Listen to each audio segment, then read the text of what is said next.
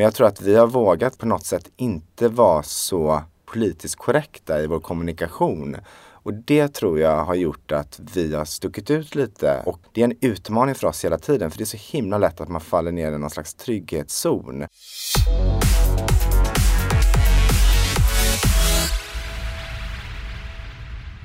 Man är en välgörenhet, man ska göra rätt sak, men samtidigt måste man sticka ut. Resten av Unicef-världen tittar på vad Unicef Sverige gör just på grund av att deras kommunikation sticker ut.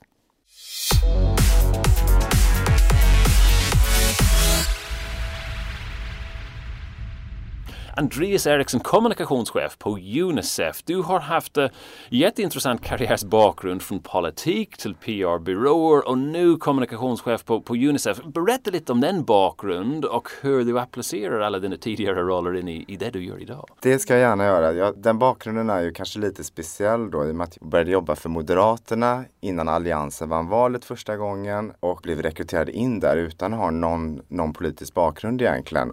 Och allting gick ganska snabbt och helt plötsligt så var jag pressekreterare då åt Filippa Reinfeldt. Så jag kastades in i en tornado. Så direkt från skolan, ja, nästan. plötsligt Filippa Reinfeldt ja, pressekreterare? precis, exakt. Och jag hade ju inte så bra, liksom inte så lång erfarenhet tidigare och visste kanske egentligen inte hur skulle jag göra där. Jag hade dock jobbat där första året som pressekreterare för en annan politiker. Men, men så jag hade fått lite erfarenhet under det året då. Men sen då var det ganska skarpt läge kan man säga när man började jobba då för Filippa och då var det en helt annan typ av uppmärksamhet från medier och så vidare. Så det, det var otroligt lärorikt och det var bara att göra. Det fanns ingen man kunde fråga egentligen för alla var så upptagna.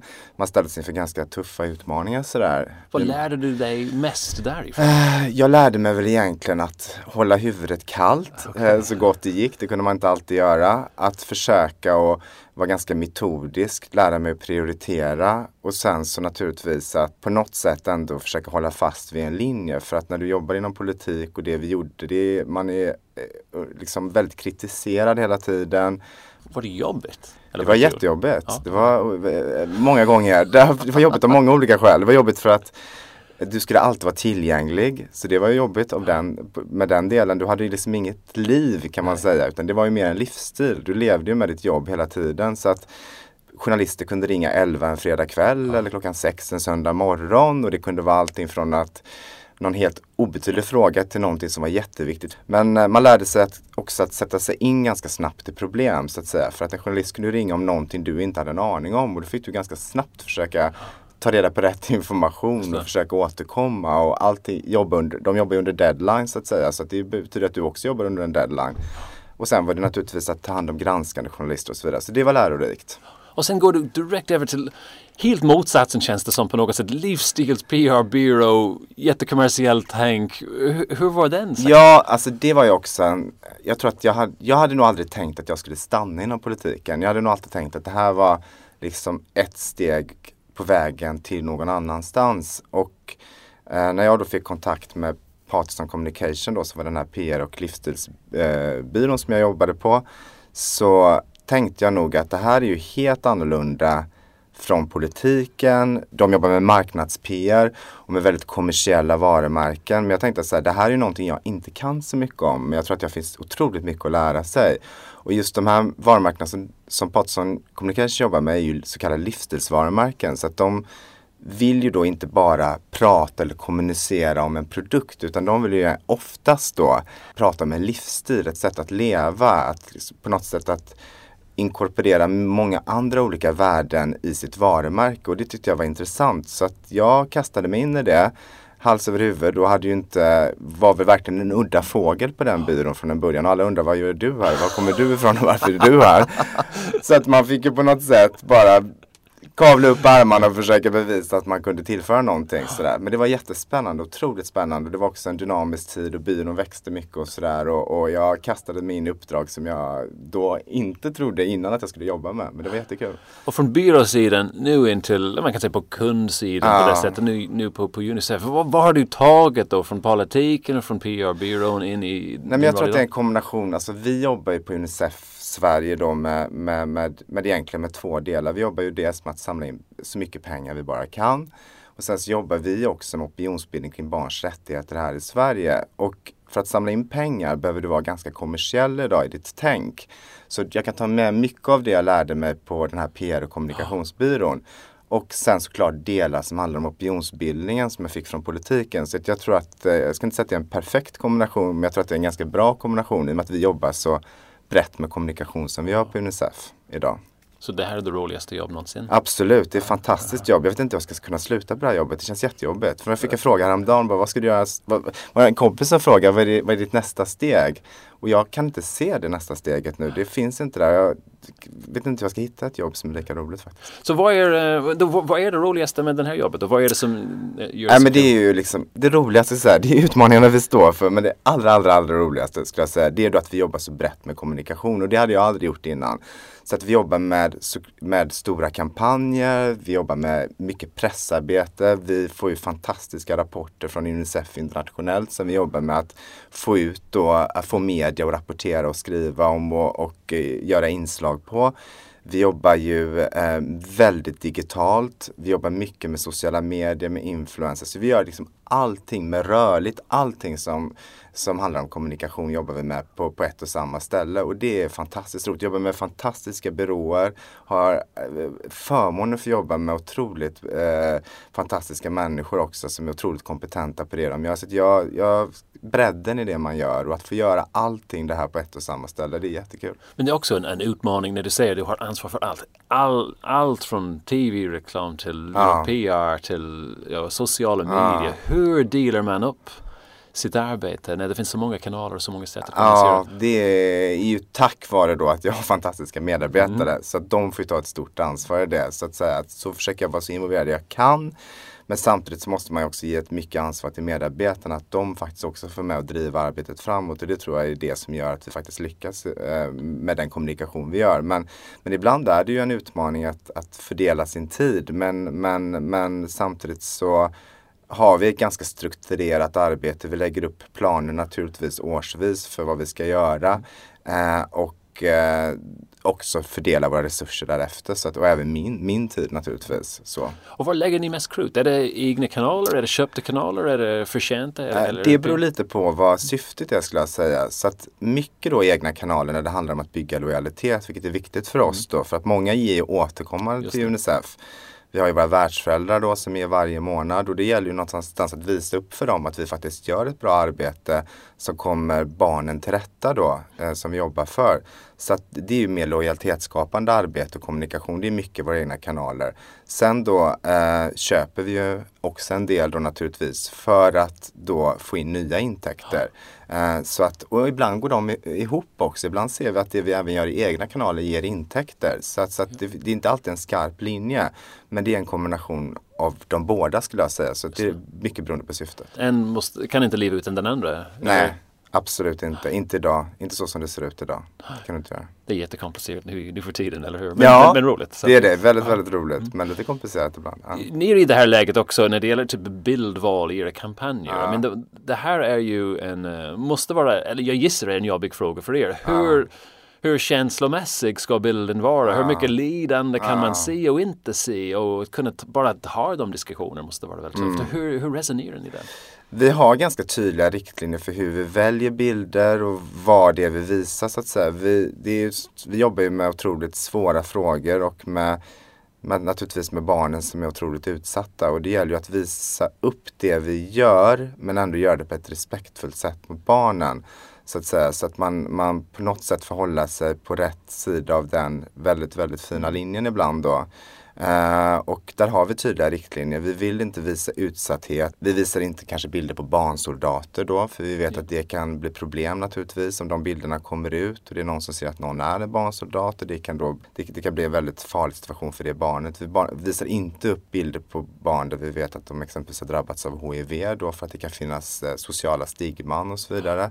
Så att vi har liksom ganska tydliga restriktioner för vilka bilder vi visar upp. Samtidigt så måste vi också visa upp vår verksamhet. Vi jobbar ju med utsatta barn. Men vi diskuterar ju bildval mycket det gör vi absolut. När det gäller donationer, därför att du måste, Ja. som du säger, du, har- du måste vara kommersiell, du måste Mm. dra in pengar. Mm. Är, det, är det här mycket säsongsberoende? Jag gissar att jul är Mm, stor det är väldigt säsongsberoende skulle jag Okej.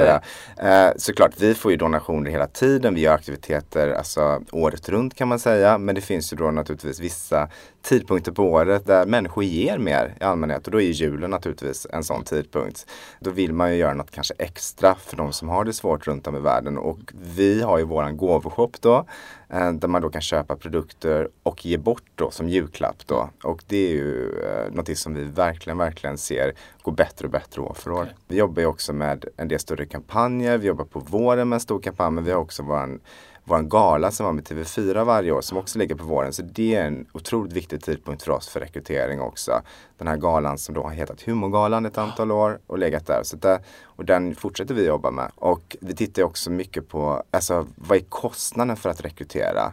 För att vi behöver ju då investera naturligtvis i marknadsföringskostnader och vissa tidpunkter på året är det dyrare att rekrytera för att det Okej. kostar exempelvis mer att köpa då tv-reklam. Ja, okej. Så att då kan det vara så att man väljer att inte förlägga eh, sin kampanj just vid den tidpunkten. Just så sånt tittar vi mycket på. kostnaden. Ja. Men hur sticker ni ut? I mean, galan är en sak och ni har era Mm. kampanjer. Men hur sticker ni ut bland de andra bidragsorganisationerna? Därför det är ju en konkurrens där. Nej precis, det, det, det, det är ju många som slåss om utrymmet så är det ju naturligtvis. Men jag tror att det som har kännetecknat Unicef i alla fall bakåt i tiden då, det, och sen får ju andra bedöma om det är så eller inte, men vi försöker att vara kanske lite grann utmana bilden av vad en sån här, hur en sån här organisation ska kommunicera.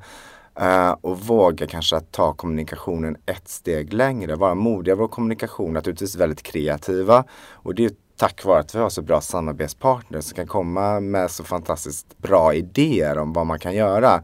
Men jag tror att vi har vågat liksom och, och på något sätt inte vara så, jag vågar nästan säga så politiskt korrekta i vår kommunikation. Och det tror jag har gjort att vi har stuckit ut lite och fortsätter att sticka ut lite. Och vi vill liksom utmana oss själva. Jag tror att det är så här, det är en utmaning för oss hela tiden. För det är så himla lätt att man faller ner i någon slags trygghetszon. Att man inte vågar göra saker. För vi har så himla mycket bagage med oss i och med att vi jobbar med så svåra frågor. Så vi, man måste göra allting rätt, man måste säga rätt, man måste ha rätt tonalitet, man måste använda rätt ord. Jag har säkert sagt något ord fel här idag redan som jag borde ha sagt på ett annat sätt. Förstår du vad jag menar? Det Jag finns förstår. mycket så. Men det krävs ett mod då att ta Ja, sig det är ett mod att ta sig och- ifrån det. Våga gå ur den här trygghetszonen lite grann och bara så här, och våga på något sätt utmana det där li- lite grann så. Eh, för att jag tror att gör man inte det, då tror jag att man bara faller in och det är ingen som kommer se någon skillnad från oss mot en annan organisation. Och så kommer vi liksom inte finnas där i folks medvetande. Absolut. Därför även om ni säger att ni har byråer som, eller samarbetspartners Ja. som ger dig bra kreativa Ja. idéer, ni måste ha mod, Ja, tillräckligt absolut. modig för att kunna säga ja till en idé som Absolut. känns Ja, lite absolut. obekvämt. Absolut. Och det, är liksom, och det är ju en process tillsammans med byråerna liksom, som vi jobbar mycket och där vi också kommer med vår input och det är ju inte alltid en angenäm process kan man väl säga. så, så ska, för att vara ärlig liksom. Jag Utan, vet hur det känns. utan det kan, ja, det kan vara väldigt jobbigt. Jag har ju också då jobbat på byråsidan så jag vet ju precis hur det känns också. Så här, det, är- det är så här, men det är det som gör att man kommer framåt tror jag. Det är så här, den här friktionen liksom. Man jobbar tillsammans med sina byråer och man är inte alltid överens. Men det brukar oftast bli bra till slut ändå. Liksom. Men jag tror att det är bra att den här friktionen finns. Och jag tycker det är jättebra att byråerna utmanar oss. Jag tycker det är jättebra att de faktiskt ger oss en tuff match. Just det. Och det är ju, I mean, det är ju viktigt att man förstår varandra men samtidigt Ja. har den slags re- respekt. I mean, det vi har märkt från, från byråsidan är att vissa kunder, självklart de är jättenöjda när de tar den här kreativa idén och den har lyckats och de säger åh tack du har gjort ett jättebra jobb. Men jag tänker men ni, ni har gjort ett bra jobb. Därför att ni sa Ja. till idén som är, det är så många politiska anledningar för att kunna säga nej till en ett kreativ idé. Men ni, ni vågar säga ja. Så det är ju, I mean, det är ju intressant att ni, ni har den slags inställning. Absolut, men, men samtidigt ska jag säga så här, det är nog en inställning som vi måste jobba med varje dag, hela tiden. Så, här, så att inte tappa det, det är otroligt viktigt. Det, den inställningen måste man nästan vinna varje dag på något sätt. Så där, för att vi, det är så himla mycket som kan bryta ner en till vanlighetens vanlighet där ingenting syns och allting blir bara tråkigt. Så det är en ständig kamp att behålla Ja. en slags modig Ja, och kreativ känsla. det är en kamp, Okej. det måste du kämpa för hela tiden. Ja, intressant. Har du något bra exempel då när er marknadsföring har, har gjort skillnad? Vi har Mm. haft tidigare på den här showen som har, har nämnt er som, som ett bra case. Ja vad Eh, roligt. så det... är kul. Nej men vi har liksom några bra case och så. Jag kan väl säga så här. Det som verkligen gör skillnad såklart. Det är just det jag pratade om tidigare. Det är ju då som de julkampanjer vi har gjort inför jul då när vi liksom har jobbat med våran gåvoshop. Jag har ett exempel från i våras när vi jobbade med en kampanj som handlade om att visa barnen i alla de katastrofer som ingen pratar om. Det pågår ju någonstans kring 300 katastrofer tror jag det var 2015 runt om i världen. Eh, och det kanske är 5 procent någonstans där som man pratar om i media som uppmärksammas. Det är så otroligt många katastrofer som pågår eh, hela tiden som ingen pratar om och ingen ser. Och vi vill göra en kampanj kring detta. Då tog vi fram en, en vi tog fram faktiskt en 3D-flicka som hette Sofia. Som vi byggde upp då av riktiga bilder på barn som levde runt om i katastrofer. Eh, så att alla de här bilderna blev till ett ansikte och det var den här flickan Sofia som gjorde en film med för att uppmärksamma de här katastroferna. Och den, den fick en otrolig spridning. Vi nådde ut inte bara i Sverige utan även i världen och lyfte just det här problemet som faktiskt är. Och det, det var en intressant kampanj också. Jag ska säga så här, det var en intressant kampanj också för att jag hade väldigt svårt att föreställa mig när jag stod den på, alltså när jag såg det kreativa presentationer från byrån då, eh, som gjorde den, så var jag så här, jag, jag kunde inte se den här flickan framför mig. Jag tänkte bara så här, det här kan ju bli så dåligt. Tänkte jag. Jag bara såg en sån här dåligt animerad flicka och Ja. jag kände bara, gud det här kan bli jättedåligt. Ja. Och sådär, men jag fick verkligen vet, tänka så här, nej men jag måste Lyssna. lita på dem. De kommer göra ett bra jobb liksom. Vi hade till och med möten innan jag sa det här måste bli bra sa jag. Annars kommer jag hänga här ute på gården liksom. Jag har inte mitt jobb kvar. Jag, du vet, gick in så lite, hotade lite. Jag tänkte att det kanske är bra liksom. Och det blev jättebra. Ja men det är ju viktigt för dem också att veta hur, ja, att, du, att du går ut på linjen. Ja, exakt. så är det ju. För ibland är det mycket som står på spel. Det var viktigt för mig då. Mm. Ja, intressant. Ni jobbar med ambassadörer också. Mm. Mark Liven, Gudlill Lindfors, David Hellenius.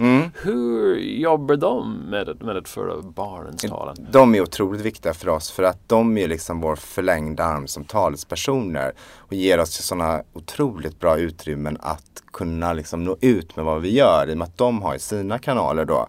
Och vi jobbar med dem på lite olika sätt. Alla är väldigt engagerade annars har de inte varit ambassadörer såklart. Det är någonting vi tittar på inför att man blir en ambassadör. Att det ska finnas ett äkta engagemang för våra frågor, att man brinner för det vi gör. Men, men de jobbar på oss på lite olika sätt. Jag menar du har David exempelvis, David Elenius. Han är otroligt engagerad nu i den här, har varit i humorgalan tidigare och också den här om vi kallar det den nya humorgalan som kommer i vår. Han jobbar jättemycket med den. Eh, eh, kreativt och, och har ett jättestort engagemang kring den. Jenny Strömstedt är vår, den ambassadör som kom till senast och hon har gjort otroligt mycket för oss. Jag känner ibland så här, vi ska inte fråga Jenny mer saker. för hon är så himla bra och ställer upp för oss och gör liksom nästan allting vi frågar om. Och det kan vara att hålla seminarier, åka på resor för oss Eh, eh, och rapporterar även. Hon skriver ju krönikor och så vidare. De är fantastiska våra ambassadörer, otroligt viktiga för vår synlighet också. Ni ser en effekt när Ja, de är involverade. absolut. De här personerna vi har valt är ju sex personer som ändå har ett stort förtroende och gillas av många helt enkelt. Man kan prata om våra frågor på ett naturligt sätt. Ser du en direct effekt, det vill säga när de börjar Ja, prata? jättebra exempel på det faktiskt. I, I den här kampanjen som vi gör inför jul varje år så, så har vi haft förmånen att få ha med våra ambassadörer då dagen innan julafton eller på julafton i morgonsoffan. Och då pratar de om vår gåvoshop. Och det finns, då har vi Eva Röse som är ambassadör. Det finns ingen som kan vara så bestämd och tydlig i sin uppfattning och nästan så att hon liksom låter lite arg. Men det bara rasslar in, eh, ser vi då en direkteffekt när hon ger de här uppmaningarna. För att hon gör det på sånt övertygande sätt att det, man verkligen förstår det här är på liv och död. Nu måste ni liksom köpa lite extra julklappar i den här gåvoshoppen för det kommer barnen till rätta. Så, det, så snart de börjar prata på Ja, morgonsoffan ja. så Ja, ja. plötsligt Det är det servrar jobbar hårt. ja, ingen ska göra en uppmaning som hon kan göra. Nej. Okej, intressant också. Unicef Sverige, ni är en av 34 nationalkommittéer. Så, Mm. så vad innebär det för er att ni är med i den här stora Ja, organisationen? ja, nej, det är ju en väldigt stor världsomfattande organisation då. Men det är 34 så kallade nationalkommittéer där Sverige är en som samlar in pengarna eh, till alla de här andra länderna där vi har någon form av vad vi kallar programverksamhet då. Vi har ett program för hur vi hjälper barnen. Så det, då, är, då är Sverige en av de kommittéerna som samlar in pengar helt enkelt. Men också bedriver då opinionsarbete då. Och vi är liksom så, så kallat high economy liksom land om man säger. Så, att, så att det är liksom ett land med stort välbestånd kan man säga. som har möjlighet att samla in pengar. Sverige också är en av de här länderna, Unicef finns i 190 länder. Mm. I Sverige är en av de länder som bidrar med, med Mm. mest pengar, eller en av dem som är ganska högst upp. Varför så är det din förtjänst och alla dina marknadsföringsinsatser? Ja, det vågar vi väl inte påstå. Nej men jag kan, ja det kanske är liksom en del i det tror jag kanske är att just att givandet har ökat år för år. Alltså från, från, från svenskar. Och jag tror att man, man känner väl ändå att vi har det ganska bra här generellt sett. Inte alla såklart. Men generellt sett. Och då, och då med tanke på allt som pågår runt om i världen nu. Liksom. Vi har ju den här äh, krisen i Syrien som har pågått i snart sex år. Som är den största humanitära katastrofen sedan andra världskriget. Och det är klart att jag tror att det är svårt att inte se det där. Inte, jag tror att man liksom ändå är väldigt medveten i Sverige om att vi lever i en orolig värld. Och vi såg flyktingkatastrofer för ett par år sedan naturligtvis. Med allt vad det har inneburit och sådär. Och då, då tror jag att man känner att ja men lite vill man i alla fall ge. Uh, och, och svenskar ger väldigt mycket och det är ju fantastiskt egentligen. Jag tycker att vi ska slå oss på bröstet lite grann för det faktiskt. Alltså inom Unicef-världen då, när man tittar på Sverige då per capita så skänker vi otroligt mycket. I- Inom Unicef-världen tittar de oss med en viss beundran och tänker så här, oj, wow, att ni lyckas så bra liksom. Okej. Med så pass liten befolkning som det ändå är. Så, Men har ni en förklaring kring den? Förutom att det är på grund av Nej men jag tror att det är just den förklaringen. Jag tror att det så här, finns lite den svenska mentaliteten. Jag menar vi är ju en av de största biståndsgivarna i världen också, vilket man inte ska glömma. Alltså Sverige som land då. Så att vi bidrar ju otroligt mycket på många olika sätt. Både den enskilda individen men också eh, våran regering naturligtvis. Med det biståndet som man, man ger. Och, och jag, jag tror att det finns någon slags filantropisk tanke hos svenskar någonstans ändå. Jag tror ändå det. Eller jag vill tro det i alla fall. från Alfred Nobels tid Ja, eller något? kanske. Jag vet inte. Men det är no, det, det, det, jag tror att det finns ändå en mel- mentaliteten. Och sen så tror jag att vissa sätt att ge har blivit ganska vedertagna. Nu är det nästan så här. Jag ska inte säga att det är märkligt om man inte är månadsgivare. Men väldigt många är ju månadsgivare till någon organisation. Det är ganska vanligt. Ja, exakt. Men, så det, men det är delvis kulturellt. Det gör det lite intresserad Ja. av er också. Är det något annat som ni gör marknadsföringsmässigt eller kommunikationsmässigt Mm. som ni tror att andra länder kunde faktiskt sno eller använda? Om det är ett bättre ord. för- Hur vi jobbar? eh, Ja, alltså det eh, kan jag väl säga att det händer i alla fall. Jag menar hos oss då, vi- det är ju andra länder som tar det som vi producerar här i Sverige kommunikationsmässigt. Och det, eh, varje år så väntar då eh, många inom Unicef på att då Unicef Sveriges julfilmer ska komma. För Okej. att de har varit ganska um, annorlunda från hur man då kommunicerar inom den här världen. Alltså vi har ju varit lite som jag var inne på, inte kanske helt politiskt korrekta alla gånger. Vi har liksom varit ganska lekfulla och så vidare. Och då liksom, det har funkat även bra i andra länder. Fast i vissa länder har det inte funkat alls. Nej, okej. Förstår jag menar för att vi har en ganska humoristisk ton i Sverige. Eller ni har gått för långt Ja. för en annan kultur Ja, det kan man säga. Det har Ja. vi gjort. Ja, absolut. Jag kan förstå den också. Som kommer från ett annat land. Ibland Ja. man undrar, eh, ska man göra ett skämt om det? Men okej. Ja. Men eh, mätning nu på effekt på all er marknadsföring. Och det här tycker jag är intressant. Mm. För, som du nämnde tidigare, det finns så många olika kanaler och så många olika sätt Mm. att kommunicera. Och på vilket sätt eller hur kan ni mäta effekten på vad ni gör? Ja, men vi mäter hela tiden egentligen, utvärderar hela tiden. Vi gör ju ingenting som vi egentligen inte, kan man säga, har utvärderat och fortsätter ju inte med någonting som inte vi ser funka kan man säga. Utan allting måste funka. Vi är väldigt hårt målsatta skulle jag säga. Att allting vi gör ska ändå någonstans ge intäkter. Visst, vi jobbar ju lite varumärkesbyggande också. Men till största delen av det vi investerar i marknadsföring och i kommunikation ska ändå bygga intäkter eller då stödja vår opinionsbildning. Så att vi, vi mäter effekterna. Eh, jag menar digitalt så gör vi det ju hela tiden och ändrar, optimerar eh, utefter vad vi ser funkar. Och det är ju det som är så fantastiskt när man kan jobba digitalt. Att man kan göra de här snabba förändringarna. Man kan direkt se. Sen gör vi ju då alltid liksom kampanjeftermätningar Ja. efter våra större kampanjer. Vi har ju, vi gör ju varumärkesmätningar regelbundet. Eh, också naturligtvis för att följa utvecklingen för vårt varumärke. Ja, cool. Största utmaningen eh, med att du jobbar med en, med en välgörenhet? Just. Mm. Största utmaningen eh, det är ju naturligtvis att vi konkurrerar på samma arena som alla andra idag om synlighet och utrymme. Liksom. Det är inte bara med de andra organisationerna som gör ett fantastiskt jobb utan det är ju med allt idag. Tittar du digitalt idag så jag menar det vi gör digitalt, menar en av våra viktigaste kanaler är Facebook men där konkurrerar du med att någon lägger upp en bild, en familjebild eller vad det än ja. kan vara liksom. Så är det ju idag. Det är ju den krassa verklighet vi lever i liksom. Och att nå fram med det bruset, det är en utmaning hela tiden. Och som alla vet så förändras ju också medieutbudet hela tiden. Vi har en ganska snabb förändring just nu så att allting blir mycket mer utspritt. För jag menar, vi har ganska begränsade budgetar också, ska man ändå säga. Och det, det, är mycket, mycket svårare idag att lyckas med någon slags traditionell masskommunikation mm. liksom. I och med att människor är på så många olika plattformar idag är ju inte på ett och samma ställe liksom. Så att, så att det är ju att hitta människor, att hitta våra målgrupper, det är en utmaning.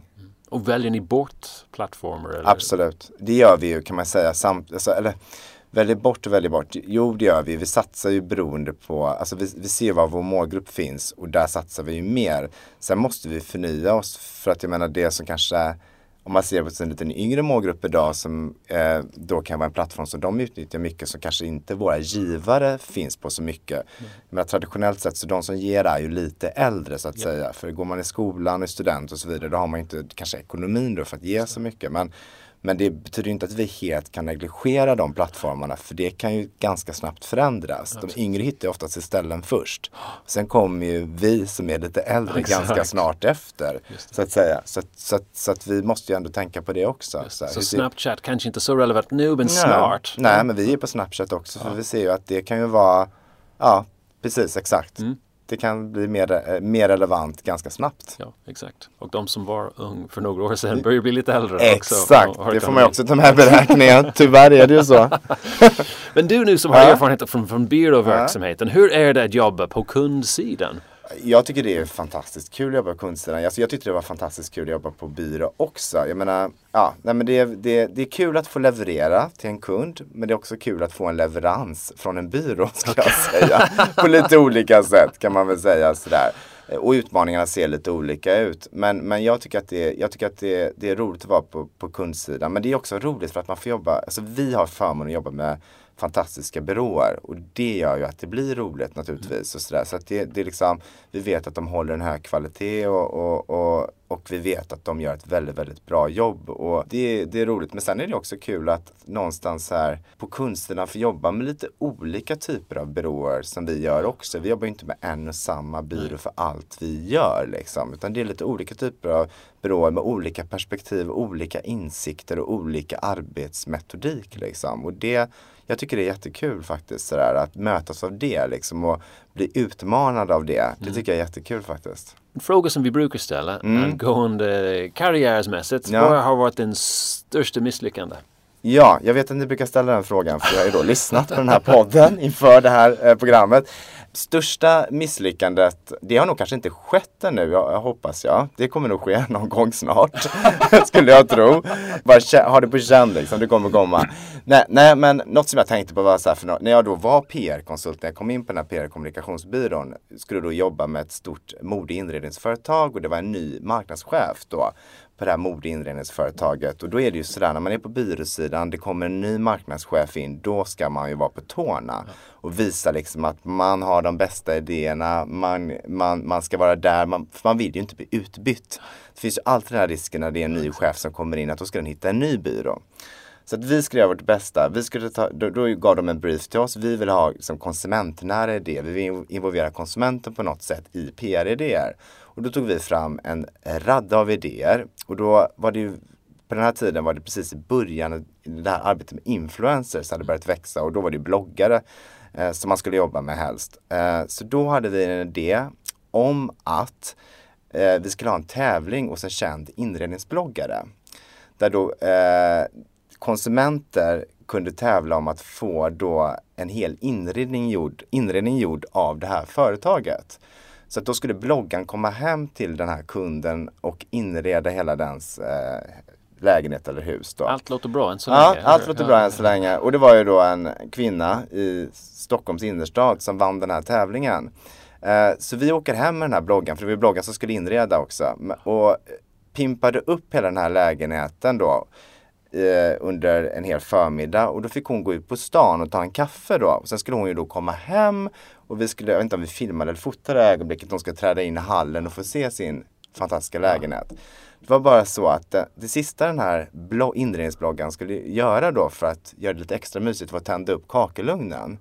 Men glömde då dra bort spjället så det blev en enorm rökutveckling i hela lägenheten. Den här kvinnan var också gravid eh, och skulle ha sina föräldrar på besök över helgen. Så att vi, det slutade med att vi fick sanera hela den här lägenheten. Det blev liksom kriskommunikation och jag skulle förklara det för den här nya marknadschefen. För det var den första aktiviteten vi skulle göra. Alltså det var inte jättekul kan jag säga. Men, men, äh, äh, men äh, ja, vi landade väl på något sätt ändå. Men det var rätt stressande just då.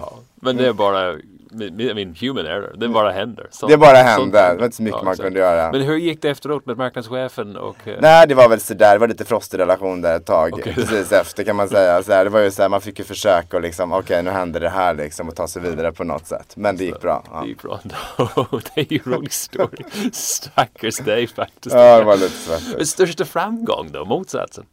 Det största framgången, det ska jag ju vara så här, man, jag vet inte om man får säga det här men nu gör jag det ändå. Men jag skulle säga så här den största framgången ska jag säga är nu faktiskt då. För att vi slog faktiskt rekord insamlingsmässigt har jag nästan precis fått reda på då. Vi bara tittat på ett bokslut för okay. förra året.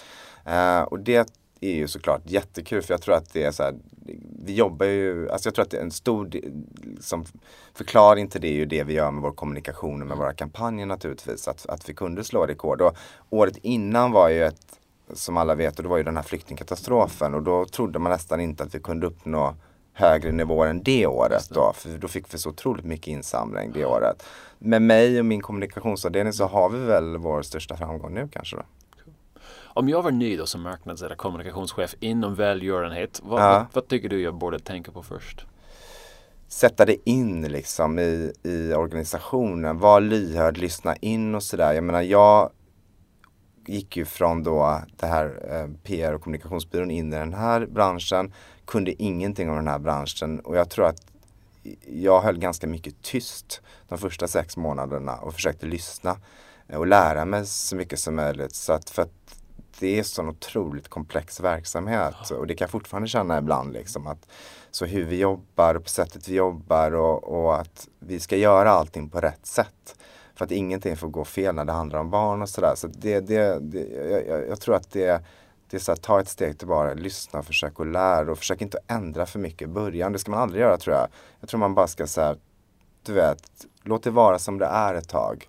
Och sen så om du har idéer och förändringar, men då kommer de utifrån att du har skaffat dig kunskap, tror jag är viktigt. Intressant. Är det någon marknadsföringsaktivitet du har sett de senaste åren som du tycker är, är särskilt intressant? Ja men då måste jag ju uh, lyfta min egen bransch tänker jag så här. Det, uh, uh, så. så jag ska väl lyfta en kampanj som BRIS gjorde, nu var det ett tag sedan jag gjorde den här Abused Emojis. Eh, det var en kampanj som fick otroligt stor uppmärksamhet. Jag tyckte att den var bra för att den lyfte ett, ett, liksom ett samhällsfenomen då, kan man ju säga med emojis som, som eh, alla använder sig av, framförallt barn då, det gör vi även vuxna, även jag gör ju det med sms då.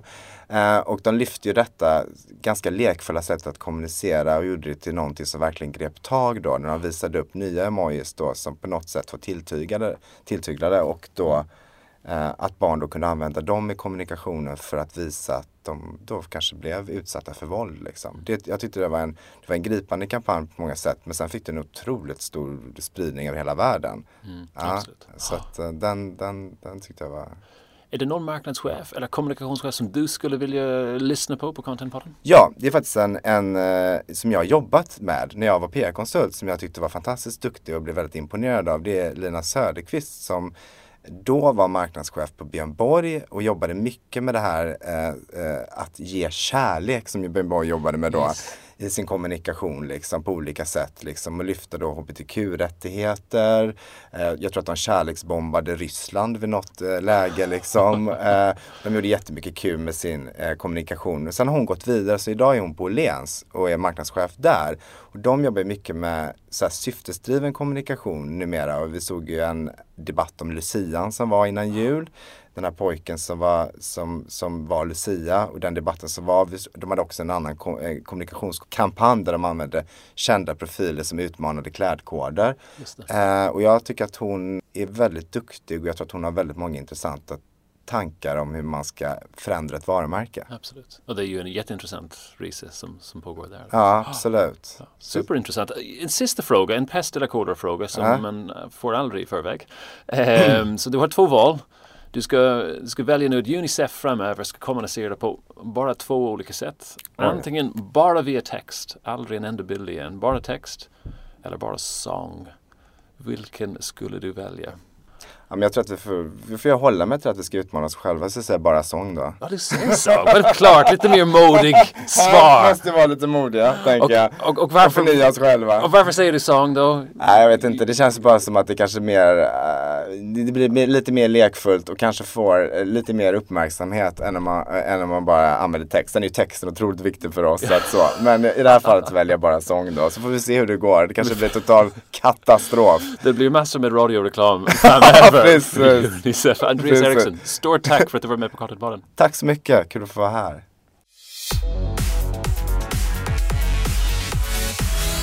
Contentpodden kommer från contentbyrån Breed. Mitt namn är Colin O'Callaghan. Och du hittar oss på LinkedIn på breedcontent.se. Gå gärna in till iTunes och rata oss där också. Vi lyssnar gärna på er feedback.